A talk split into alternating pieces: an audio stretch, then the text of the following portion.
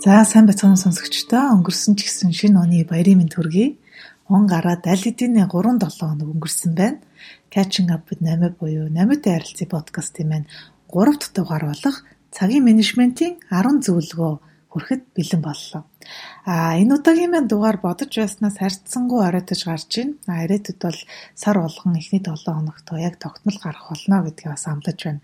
Асууж, сураглаж, мессеж бичиж, урмын үг илгээсэн сонсогчдоо маш их баярлалаа.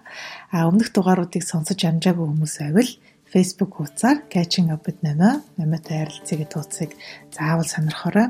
А мөн SoundCloud, iTunes, YouTube, Spotify болон M+ гэж цагуудаар сонсох боломжтой шүү. За ер нь он гарахаар хүмүүс эрхчлэлийн хувь хүний болон ажлын төлөвлөгөөгөө гаргаад бүх зүйлийг шинээр хийхийг хүсдэг үе. Ялангуяа нэг сар бол зориг мөрөөдлөө бичдэг, өнгөрснөө хэрэгцүүлж төгөндөг, эрч хүчтэй их гоё гэгээлэг сар л та. А харамсалтай нь олон судалгаанаас харж байхад 3-аас 4 сар гэхэд л ихэнх хүмүүс төлөвлөгөөнөөсөө бутсан, өөртөө тавьсан зорилгодоо хүрч чадаагүй нөгөө л өмнөх тал туршил руугаа эргэн очсон байдаг. А энэнд бол их олон шалтгаан байж болох ч хамгийн чухал нэг зүйл бол яалтчгүй цагийн менежмент байгаа. Хүн болгонд өдөр бүр яг ижил оногдсон энэ хугацааг хэрхэн яаж үр бүтээмжтэйгээр зарцуулах вэ?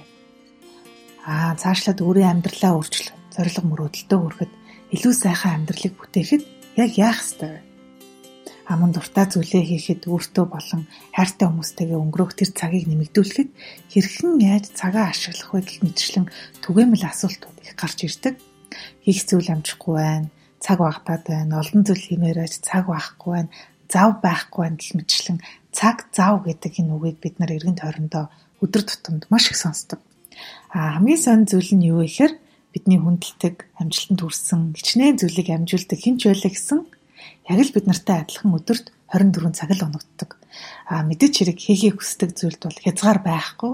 А гэхдээ оноогдсон цаг хугацааны хувьд бол хязгаартай. Тэгэхээр энэ өгөгдсөн хязгаартай цаг хугацааг яаж илүү сайн ашиглах вэ гэдэг талаар өнөөдрийн подкастаараа цагийн менежментийн 10 зөвлөгөөг хүргэх болно. А миний хувьд 3 жилийн хугацаанд сүүлийн 3 жилийн хугацаанд удирдах төвшний хүмүүст коуч хийхэд бол нэг зүйлийг анзаарсан. Тэр нь юу гэхээр ер нь ойролцоогоор нэг 80-аас 90% бол цаг амжихгүй байна. Эсвэл цагаа үр бүтээмжтэй ашиглаж сурмаар байна гэдэг асуултыг маш их асуудаг. Оюутан залуучууд ч гэсэн сургалт хийх явцад цагаа яаж зөв ашиглах талаар хамгийн их давтамжтайгаар давтамжтайгаар асууж байсан болохоор та бүхэнд хэрэгтэй зөвлөгөөг томилоод маш товчхон ойлгомжтойгоор хүрэхийг зарлаа. За ингээд зөвлөгөөгөө эхэлцгээе. Хамгийн ихний зөвлөгөө бол бодлоо цаасанд буулгаж сурах. Цаасанд буулгах буюу think on paper гэж их ярьдаг. Толгой доторх бодол энэ олон шаналж байгаа бүх бодлууд маань тодорхой хэмжээгээр стресс олоо явуулдаг. Тэгэхээр санаа зовж стресстгүйгээр хийхийг хүссэн зүйлээ санаа зовоогоод байгаа тэр олон бодлуудаа зэгцлэхийн тулд цаасанд буулгаж бичих чадварыг сурах хэрэгтэй.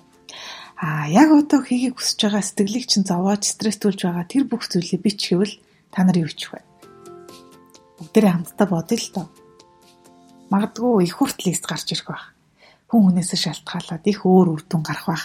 Аа жишээ татвал магадгүй бизнесээ өргөжүүлнэ, шинэ клиент авчрах, шалгалтаа сайн өгөх, хэл сурах, нэтворк хийх, ном унших, за найзуудаа цаг гаргах, ном бичих гээл юу ч хийж болно те.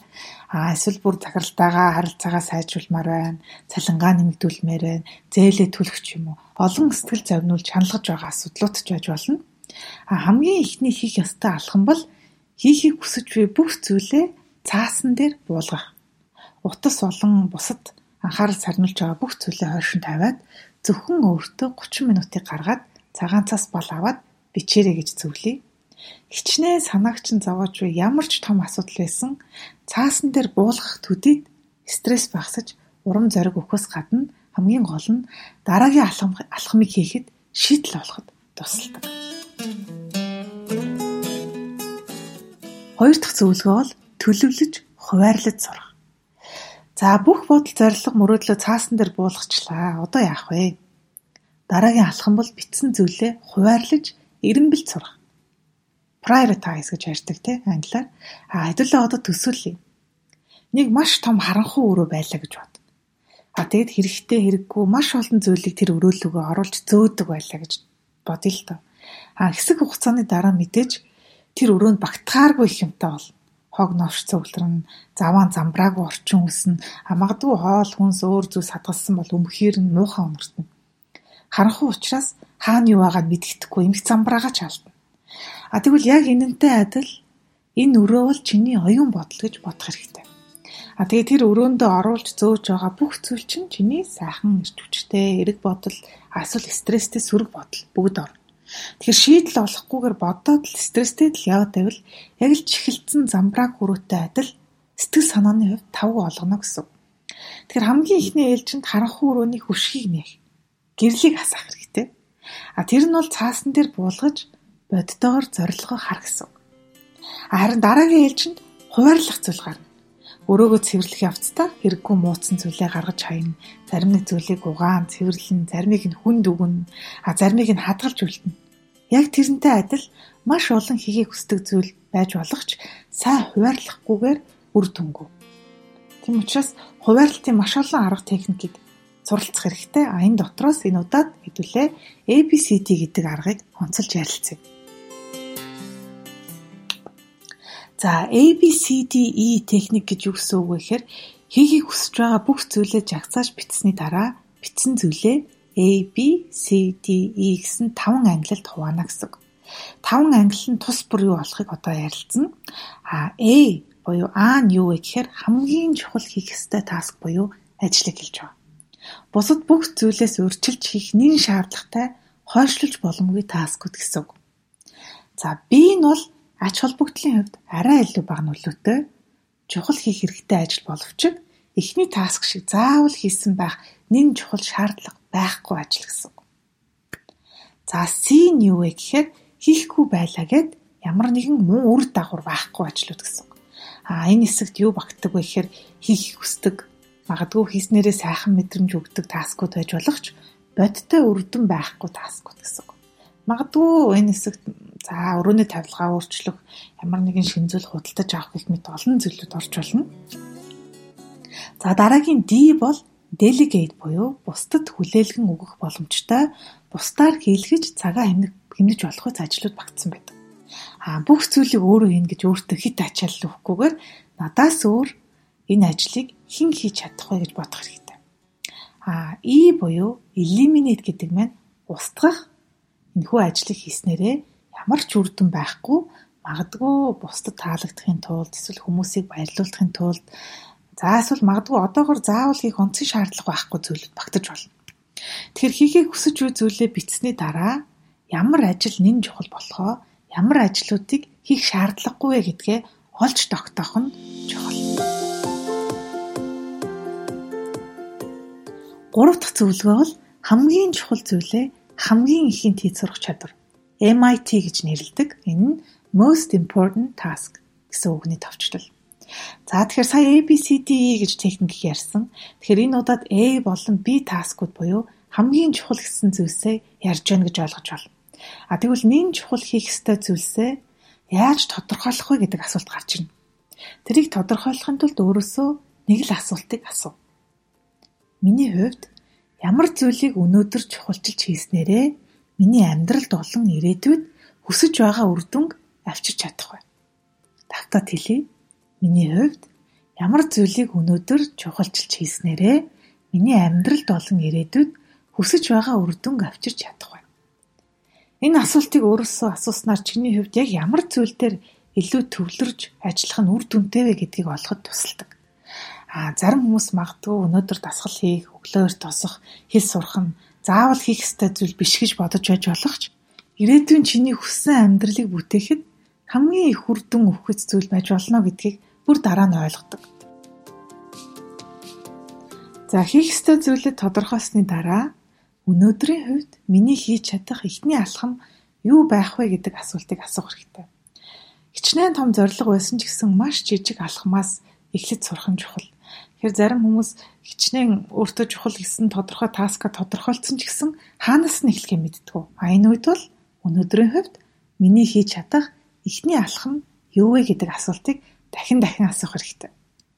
А хэрвээ хийх хэрэгтэй байгаа олон чухал зүйлс байвал алинаас нь эхэлж хийх вэ гэдэг асуулт гарч иж болно. Та нар Eat That Frog гэдэг номыг уншиж байсан баг. А уншиж амжаагүй хүмүүс байвал сонирхоод үзээрэй. А зохиолч Mark Twain Eat a live frog first thing in the morning and nothing worse will happen to you the rest of the day гэж хэлсэн байдаг. Энэ юу гэсэн үг вэ гэхээр өглөө босоод амьд мэдлхий идээ. А тэгээд тухайн өдөр тэрнээс илүү муухай зүйл чам тохиолдохгүй гэсэн. А гол санаа нь юу вэ гэхээр хамгийн ихэнд хамгийн хэцүү, хамгийн чухал ажлаа хийж сурах чанарыг хэлж байгаа. А хүн ер нь хамгийн амархан өөрт зугаатай ажлаа эхэлж хийх сонирхолтой байдаг. Би ч гэсэн нэлээд хэдэн жилийн өмнө төдөө лист хөтэлдэг байх үедээ маш олон хийх ёстой зүйл жагсааж бичиж агаад өөртөө хамгийн амархан хамгийн хийхэд кайфтай зүйлээ эхэлж хийдэг байсан. А жишээ нь магадгүй төрсөн өдөр төлөвлөх, дэлгүүр явах, уцаар ярих гэх мэтчлэн. Эргээд харахаар битсэн зүйлээсээ их олон зүйлийг нь хийгээд амжуулсан юм шиг хүн яваад идэг мөртлөө яг үндэ бол том зураглаараа миний амьдралд өөрчлөлт авчих чухал таскуудаа хийгээгүй орхитуулсан байдаг байснаа анзаарсан. Тэгэхээр хамгийн түрүүнд хамгийн цааргалж хаширч байдаг чиний амьдралд хамгийн их үр дүн гаргах тэр зүйлээ шууд хийж эхлэх хэрэгтэй. Ер нь хит ерөнхий хаанаас нь эхэлж ихээ мэдэхгүй байгаа болохоор л хүмүүс чухал гэсэн зүйлээ тэр болгон шууд хийгээд эхэлж чаддгүй. А энийг арилгахын тулд хамгийн чухал гэж утсан зүйлээ дахин цаасан дээр буулгаад а тэгээд маш олон жижиг акшн степ хэсгүүдэд хуваах хэрэгтэй. Төрөчийн подкастаар ярьж исэн. А энэ жилдээ багтаад олон ном уншия гэж хэрвээ зорилт тавьсан бол өнөөдөр магадгүй сонгосон нэг номныхоо эхний 5 ч юм уу 10 хуудсыг л уншина гэсэн зорилт авах хэрэгтэй. Ямар ч том төлөвлөгөө байлаа гэсэн шууд суугаад хийх боломжтой жижиг жижиг хэсэг тувааж төлөвлөх чадвар хамгийн чухал гэдгийг дахин анхаараарай. А Eat That Frog номон дээр бас бичсэн байдаг л да. Хэрвээ хоёр том мэлхий буюу ижлэгэн хоёр том зорилго байвал альнаас нь эхлэх вэ гэв. А зохиолчийн маань хэлсэн үг бол хамгийн царай муутагаас нь эхэл гэж хэлсэн байдаг. Тэгэхээр хамгийн нэн төрөний хийх хэрэгтэй, хамгийн их цааргалж буй ажилласаа эхлэх хэрэгтэй гэсэн санаа. А бас нэг зүйлийг энэ дээр нэмж хэлэхэд хялбар, амархан хийх туртай зүйлээ хамгийн эрч хүч багтай үеүдээ хийхээр төлөвлөх хэрэгтэй залхуу хүрсэн, магадгүй өвдсөн, сэтгэл санаа докторгүй үед байдаг. Тэгэхээр энэ үедэд төвлөрч чадахгүй, юу чиг сонирхол алгаа гэдэг дуртай юмаа идээд ч юм уу, эсвэл дуртай Netflix шоугаа үзээд эсвэл Facebook ороод ч юм идэхгүй өнгөрөх үед их байдаг штеп. Тэгэхээр хийх дуртай амархан зүйлээ дээрх дурдсан идэхгүй үедээ хийж сурах нь бас нэг том чадвар. А нэг өсөнд ухаалаг, хуваарлалт хийж сурна гэсэн.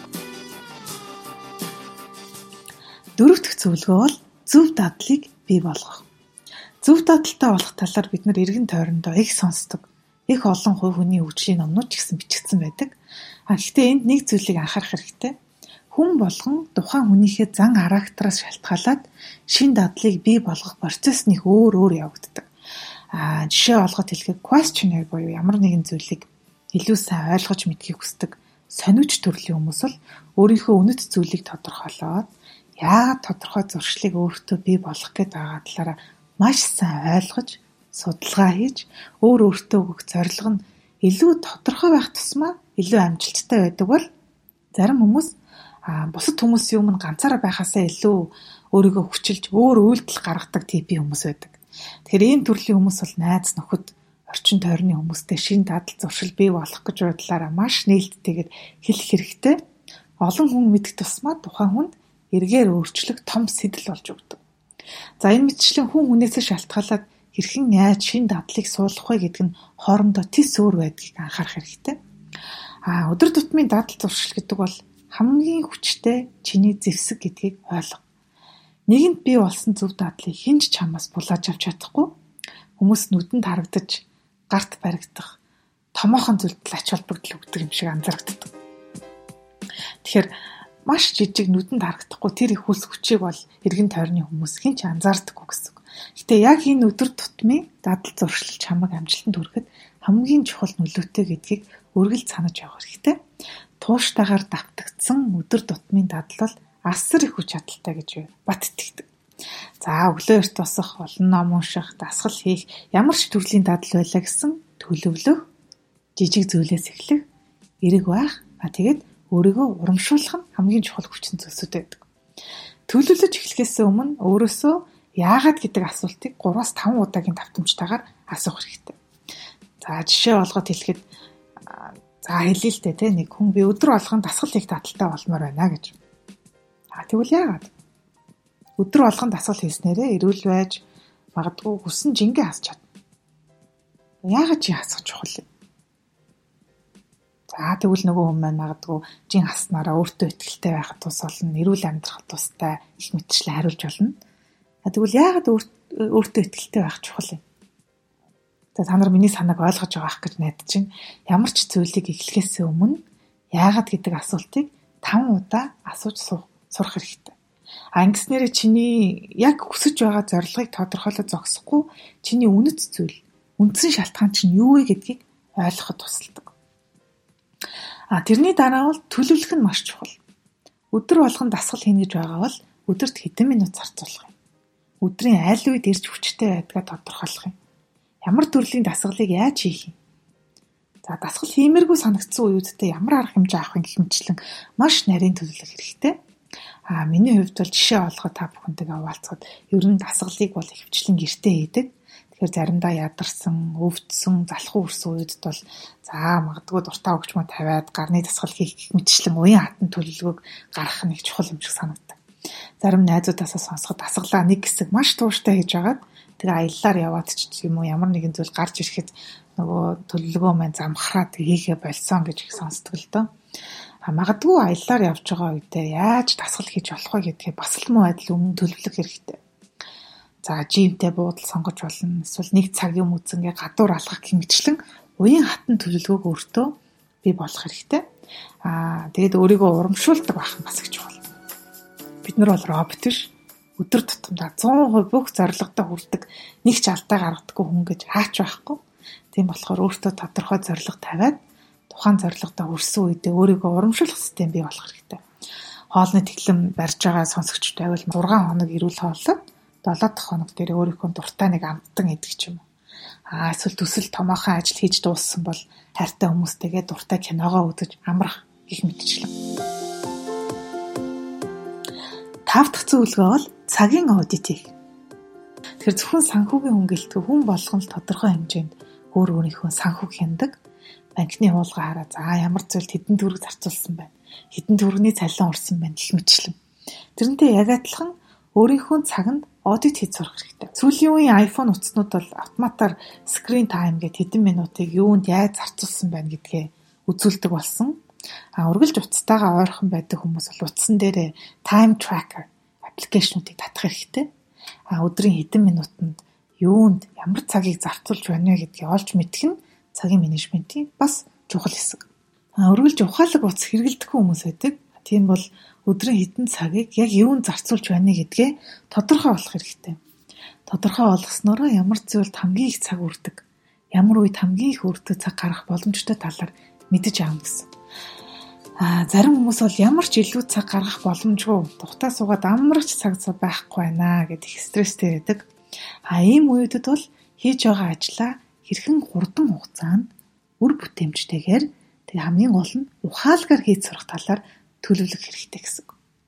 А их ажилтаа ядарсан үеүдтэй медитейшн буюу бясалгал хийх нь бас анхаарал төвлөрөлт стресс бууруулахад их тустай байдаг гэдгийг санаарай. 6 дахь зөвлөгөө бол эрүүл амьдрах.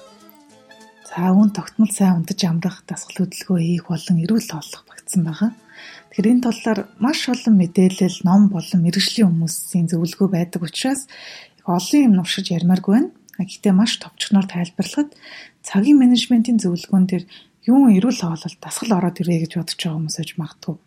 Тэгэхээр цагийн менежмент гэдэг бол хязгаартай цаг хугацааг хэрхэн үр бүтээмжтэй өнгөрөх талаар л ярьж байгаа. Тэгэхээр үр бүтээмжтэй байх нь эрүүл байх хоёр хоорондоо зайлшгүй холбоотой. Тэгэхээр энэ хоёрыг холбож байгаа чухал зүйл бол энержи буюу энерги. Тэгэхээр хэрхэн эрч хүчтэй энергитэй байх вэ гэдэг асуулт гарч ирнэ. Стресс болон бусад олон зүйлээс болоод эрч хүчээ алдаад ямар ч зүйлийг сонирхолгүй болох үед олон байдаг. Тэгэхээр зарим онцгой тохиолдолд хичнээн их унтаж амраад эрүүл хоолож дасгал хийсэн ч гэсэн үргэлж ядарч сулдаад байгаа хүмүүс байж болно. Энэ тохиолдолд бол эмчит хандах нь зүйтэй зүрх, үе мөч, за цус багтал, нойр гүдэл, чихрийн шижин гэх мэтчлэн олон өвчнөөс болж үргэлж ядрах нь илбэг байдаг. Тэгэхээр үүнээс бусад тохиолдолд бол дасгал хөдөлгөөн их нь эрч хүчтэй байлгах хамгийн чухал хүчин зүйл болдог. Дасгал хийнэ гэдэг нь зөвхөн турах ч юм уу эсвэл одоо гоё би галбартай болох гэх мэтэр хязгаарлагдахгүй гэдгийг сонсогчд маань бол надаар хэлүүлтгүү сайн мэдэж байгаа ах гэж бодож байна. Тэгэхээр их ядарсан үед бол юун дасгалтай мандал байдаг. А гэхдээ хүчлээд 10 минутын хөдөлгөөн хийсэн ч гэсэн эрч хүч нөхөх хамгийн сайн юм болж өгдөг. Өдөр болгон дасгал хийдэг хүмүүс бол өөртөө илүү ихтэй, илүү эрч хүчтэй байдаг гэдгийг Джон Хопкинс сургуулийн дасгал хөдөлгөөн судалгааг хариуцсан захирал Kerry Stewart хэлсэн байдаг. Бүх төрлийн дасгал хөдөлгөөн эрүүл мэндэд сайн боловч тэр дундаа йогаг бол эрч хүчтэй байхад хамгийн чухал дасгал гэдгийг бас онцолж хэлэх хэрэгтэй. За мэдээч хэрэг ус суух хэрэгтэй, хангалттай шингэнээ авч чадахгүй, ус баг ууж байгаа нь хүнийг хамгийн их ядраадаг. Тэгэхээр хичнээн эрч хүчтэй байгээд ус баг ууж байгаа үед бол илүү амархан ядрах, нойр хүрэх магадaltaг анхаараарай. Тэгэхээр цагийн менежмент гэдэг чинь өөрөө нөгөө талаас өөрийн бие организмаа хэрхэн яаж хамгийн сайн хүчин чадлаар нь ажилуулах вэ гэсэн. Тэгэхээр энэ энэ дээр нэмээд бас нэг зөвлөгөө өгөхөд сайн унтаж амарна гэдэг маань зөвхөн тоогоор хэмжигдэхгүй. Өдөр болгон 9 цаг унтаад байгаа мөртлөө улам ядраад нозоороод яж болно.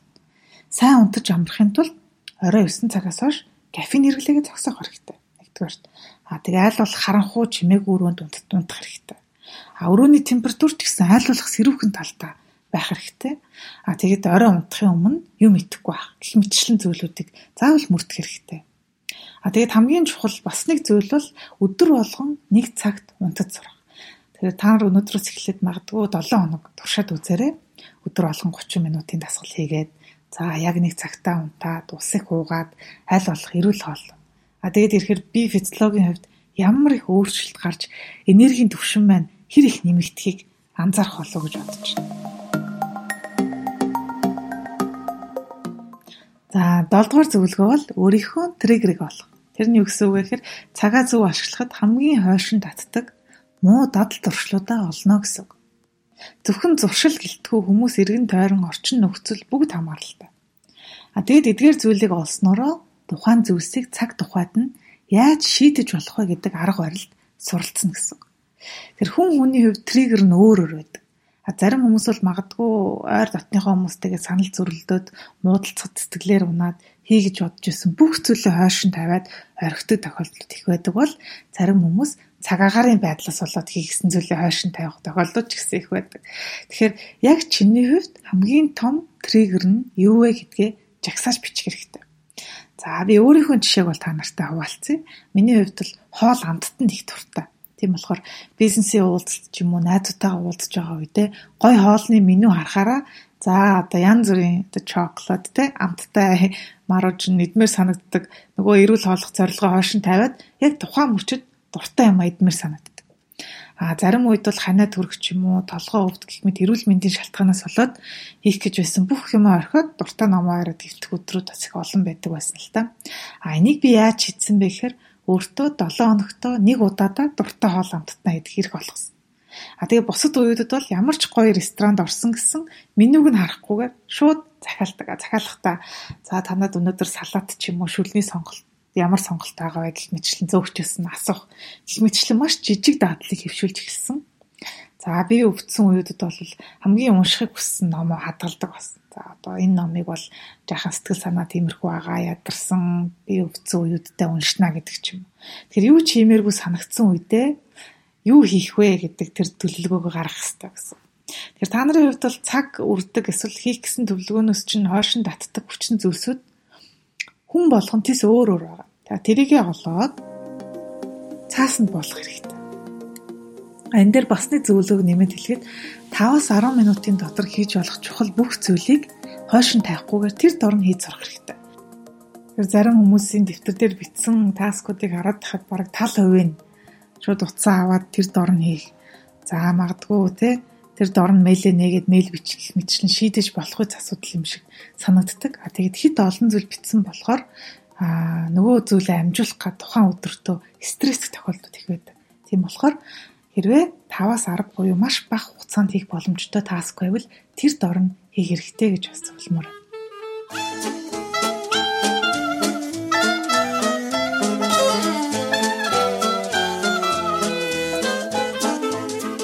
Аа бас нэг зөвлөгөө хэлэхэд аа чамаас огт шалтгааллахгүйгээр олон зүйл тохиолдож болно тий.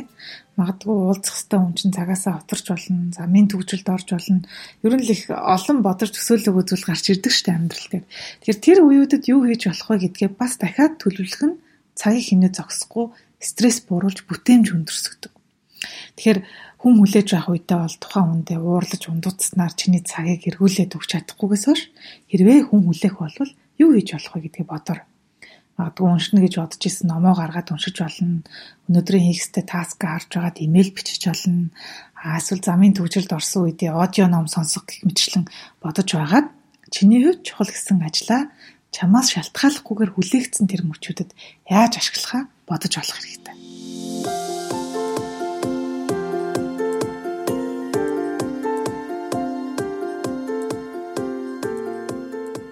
За 8 дахь зөвлөгөө бол цагийн менежментийн өөрт хэрэгтэй аппликейшнийг ашиглаж сурах. За одоо үед бол хүн болон смарт утас хэрэглэдэг болсон цаг. Тийм болохоор ухаалаг утасны олон давуу талыг бүрэн ашиглах хэрэгтэй гэж боддог.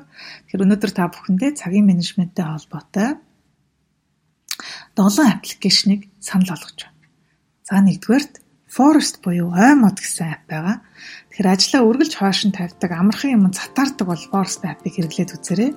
Аа анхаарал төвлөрөх шаардлагатай үедээ апп дээрээ цагаа оруулдаг. Жишээ нь 30 минут ч юм уугээ зорилт тавьсан тохиолдолд жижигхэн үрнээс эхлээд яг тэр тухайн 30 минутын доторх хугацаанд мод ургах хүртэл үйл явц явагддаг. А тэг хамгийн гол нь энэ зорилттой хугацаанаас өмнө өөр ямар нэгэн аппликейшнийг нээж харах боломжгүй учраас одоо амархан юм затаарад идэх хүмүүст их хэрэгтэй аппликейшн байгаа.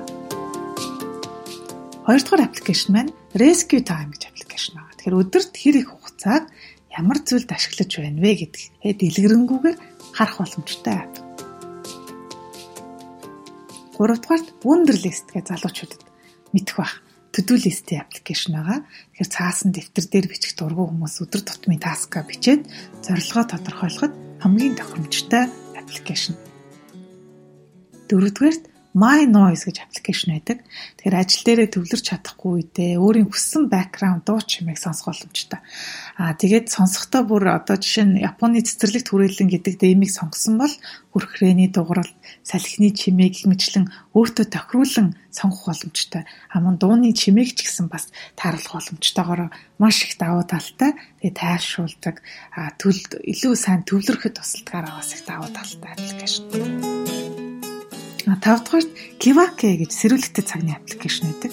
А бас iPhone, Android утаснууд дээр Math Alarm гэд бас янз бүрийн сэрүүлэгтэй цагнуудын аппликейшнуд байгаа. Тэгэхээр эдгээр аппликейшнуд маань яадаг вэ гэхээр утсаа сонсохгүй эсвэл снүүс дараад унтаад хүмүүс зориулсан. Заавал тоо бодох, зурган дүрс эвлүүлэх гэх мэтчлэн сэтгэн бодох дасгал хийж сэрүүлэг нь унтардаг аппликейшнуд байгаа. Тэр өглөө босч чадахгүй нойрмог залуучуудад маань тус тус болох болов уу гэж бодож байна. 6 дугаарт Evernote гэдэг аппликейшнийг сонсогчд маань маш сайн мэдж байгаа болов уу гэж бодож байна. Бүх төрлийн ноут бичих, хийх зүйлээ жагсааж бичих болон олон төслүүдэд хэрэглэж болдог. А бичих зав байхгүй дээр рекорд хийх эсвэл зураг оруулж болтгороо даваа талтай. За 7 дугаарт буюу төгсгөлд нь Freedom буюу эрхчлөө гэдэг маш хэрэгтэй гоё аппликейшн байдаг. А энэхүү аппыг маань компьютер утасгэд бүх платформ платформ дээр ашиглаж болдог. Тэгэхээр бусад цаг үрдэг аппликейшн болон вебсайтуудыг хааж блоколж өгдөгөрөө давуу талтай. Тэгэхээр аппликейшнийг татаж аваад хамгийн их цаг үрдэг вебсайт болон аппликейшнийг сонгоод за Facebook, Instagram, Gmail, YouTube гэх мэтлэн а тэгээ сонгосныхоо дараа хэр удаан хугацаанд блок хиймээр байгаагаа цагаа оруулж өгдөг. А зарим тохиолдолд дадал болцсон нөгөө мэдээний сайтууд, сошиал медиаг дахин дахин ороод идэг бол интернетээ хүртэл түр хугацаанд Google-с бусдыг найжлуулахгүй болохоор тохирож болдог аппликейшн байгаа. За энэ 7 апп дээр дахиад сая нэг аппликейшн санаанд орлоо. Энэ маань Habit Minder гэж аппликейшн байдаг. Тэгэхээр бид нар альва дадлыг хэвшүүлэхэд дор хаяж 3-7 хоног шаардлагатай гэж олон удаа сонсч байсан. Аа шин дадлыг бий болгоход яг хэд хоног вэ гэдэг дээр судлаачд маань өөр өөрсдийн дүгнэлтийг гаргадаг ч гэсэн ерөнхийдөө бол дунджаар нэг сар өдөр тутамдаа шин дадлыг хэвшүүлэх хэрэгтэй гэж үздэг. Тэгэхээр энэхүү аппын тусламжтайгаар өдөр тутмынхаа дадлыг хянаж, хуучин сөрөг зуршлаа шинэ эрэг дадлаар солиход их хэрэгтэй аппликейшн байгаа.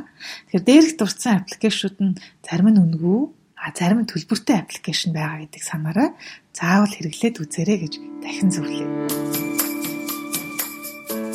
За 9 дахь зөвлөгөө бол орой бүр унтахаас өмнө өдрийн турш хийсэн зүйлээ дүгнэж маргааш юу хийх тухайга төлөвлөж сурах.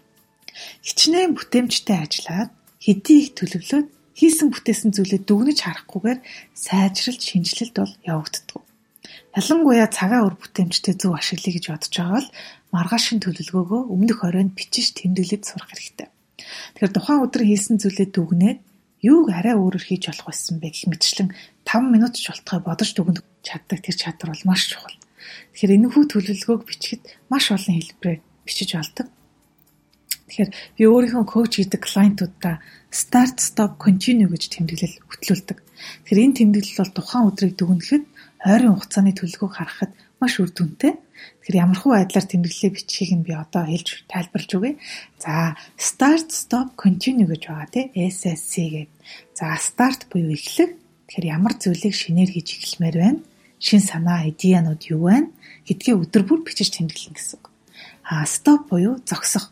Ямар зүйлийг хийхээ болох хэрэгтэй вэ? Ямар зүйл чиний цагийг үрж үр бүтээмжгүй байлгаад байна гэдгээ бодож бичнэ гэсэн. А continue буюу үргэлжлүүлэх. Ямар зүйлийг чи их сайн хийж байна? Үргэлжлүүлэн хийвэл үр дүнтэй санагдаж байна гэдгийг бичнэ. Тэгэхээр тэмдэглэл бичнэ гэхээр л хүмүүс зохиол эсэ бичих тайны бодоод их хаширдаг л да. Тэгэхээр тэмдэглэж бичнэ гэдэг чинь өөрөө маш тодорхой товчхон өгүүлбэрээр ч илэрхийлэгдэж болдог. А бүр залхуу өрсөн үедээ бол нэг нэг үгээрч бичиж болно хамгийн гол чамд л ойлгомжтой ах хэрэгтэй. Тэгэхээр хамгийн чухал зүйл нь тухайн өдрийг эргэцүүлж дүгнэж бодож сурахтаа л байна гэсэн.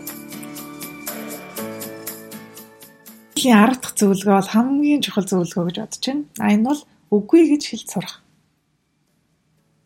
За би одоо та нараас асууя л та. Ямар ч бодож төлөвлөхгүйгээр хэр их тийм за тгий гэсэн хариулт хүмүүст өгдөг? Магадгүй бос түүнийг омдоочихгүй гэж санаа зовдөг байх хүмүүс тийм бодуулчихгүй гэж бас химээдэг бах те. Аа магадгүй бусдад таалагдахын тулд тийм гэж шууд төвшөрөөд байгаа юм биш үз гэдгээ бас дахин бодох хэрэгтэй. Нэгэн л цаг хугацаа хязгаартай учраас чиний хийх ёстой нэн чухал зүйл маш цөөхөн байдаг гэдгийг сан. А тэгээ бусад зүйлүүд бол а яг нэн чухал зүйлээс бусад бүх зүйлүүд бол яг одоо яг одоо л хий гэж хашгирж байгаа мэт тийм чимээтэй адилхан гэж ойлгох хэрэгтэй. Тэгэхээр мэдээж үгүй гэж хэлж сурахад зориг харилцааны чадвар бас төлөвлөгөө хэрэгтэй. А зориг яагаад хэрэгтэй вэ гэхээр өөрийн таньдаг найз нөхөд гэр бүлийн гишүүд болон бусад хүмүүст өгөө гэж хэлэх нь нөгөө хүнээ гомдоочихгүй сэтгэлд нь юм хийчихвэ гэсэн айд санаа зовлтыг бол дагуулж байдаг. А гэхдээ чиний ирээдүйн зориг мөрөөдөл хоромхон зуурын сэтгэл ханамжаас илүү гэдгийг ойлгоснороо үгүй гэж хэлж чаддаг бах зоригтой болт. Тэгэхээр мөн дээрэс нь яаж үгүй гэдгийг хэлэх вэ гэдэг нь өөрөө харилцааны урлаг а өөрийн цагийг үнэлж байна гэд хүн болгоод би чадахгүй үгүй этүүстас хэлдэг хүмүүс байдаг л та. Тэр хэдийгээр цагийн хувьд тэмнэлттэй ч гэсэн бусад хүмүүст эвгүй бүдүүлэх сэтгэл төрүүлэх а цаашлаад итгэлтэй тэр харилцааг хүртэл одоо асуудал доголдол гарах тохиолдлууд бол бодит байдал дээр тулгардаг. Тийм болохоор эвтэйхэн үгүй гэж хэлж чаддаг байх чадвар хэрэгтэй. Эвтэйхэн хэлж байна гэд олон зүйл тоочих, нурших хэрэггүй. Туслахыг хүсэж байгаа ч гэсэн энэ сар зав гарах боломжгүй байна гэдэг ч юм уу. Маш товчхон бөгөөд тодорхой, оновчтой хэлж чаддаг байх хэрэгтэй. Аа хэрвээ дотны хүмүүс байвал үнэхээр эвгүй санагдаад хэцүү байвал уучлалт гуйж болно. А гэтээ ер нь бол чамд цаг гаргах боломжгүй байна гэдэг маань ямар нэгэн буруу зүйл гэсэн үг биш учраас хитрхи уучлалт гуйх, шалтак хэлэх бол тийм их зохимжтой зүйл бол биш. А мэдээч хэрэг илдэг байх хэрэгтэй. Асуусан баярлаа гэдэг ч юм уу тухайн хүн чамайг зориод асууж байгаад нь талархах хэрэгтэй. А хэрвээ хийхийг хүсэж байгаа туслахыг хүсэж байгаа мөртлөө яг тухайн үед цаг завын боломж хэцүү байвал за магадгүй би энэ сард амжихгүй болохоор дараагийн сард хийж өгөх боломжтой гэх мэтчлэн бас хариу өгч болдог. А үнэхээр чамаар хийх нин чухал зүйл байгаа бол тухайн хүмүүс маань бас сар үлээ. А үгүй бол бусад хүмүүсээс асуугаад эхэлдэг. За бас нэг арга юу вэ гэхээр дамжуулах арга гэсэн. Тэгэхээр надаас илүү сайн мэддэг тусалж чадах хүнийг нь холбож өгнө гэсэн. Тэгэхээр надаас илүү энэ талаар мэрэгсэн энэ хүн байгаа холбогдоод үзээрэй гэх мэтлээ хариу өгч болно гэсэн. За бас нэг арга байгаа. Тэр нь юу вэ гэхээр илүү өөр дамар өөр зүйлийг санал болгох.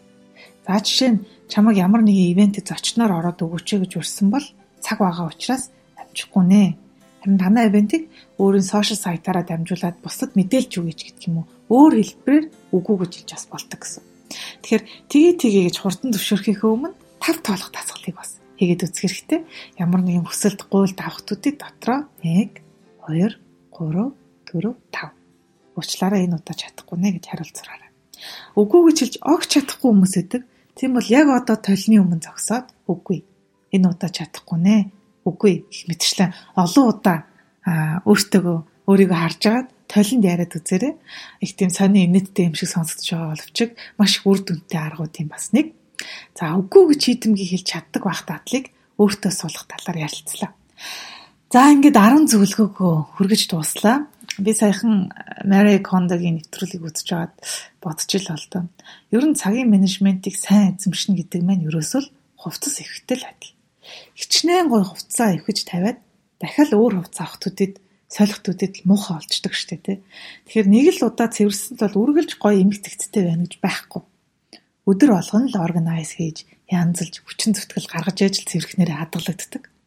Тэгэхээр яг л тэрнтэй адил цагаа зөв зохицуулж хамгийн чухал гэсэн зүйлээ хийж сурахад өдөр бүрт өөрөөс чинь ямар нэгэн хэмжээгээр хүчин зүтгэл гаргахыг шаарддаг. А амархан биш боловч боломжгүй зүйл бол огт биш. Бид нар бүгдээрээ цагаа зөв ашиглаж хийхийг хүсдэг чухал гэж бодсон зорилгодоо бүгд хүрэх бүрэн боломжтой гэдэгт би итгэдэг. За ингээд өнөөдрийн подкаст маань энд хүрээ дуусчихна. Хэрвээ та бүхэн таалагдсан бол Catching Up with Namir буюу Намиртай ярилцсан Facebook хуудасаар зочилж санал хүсэлтээ илгээгээрэй хамун iTunes, YouTube, Spotify, M+ гэд сонсож байгаа платформ дээр дэмжиж санал хүсэлтээ илгээж хамун бусдаа заавал шеэр хийж хүргээрэй гэж хүсэж байна. А дараагийн дугаараар ямар төрлийн подкаст сонсомоор байгаа санал хүсэлтээ бас илгээж болно. Сонсогчдод амжилт хүсье. Дараагийн дугаараар иргэд уулзъя.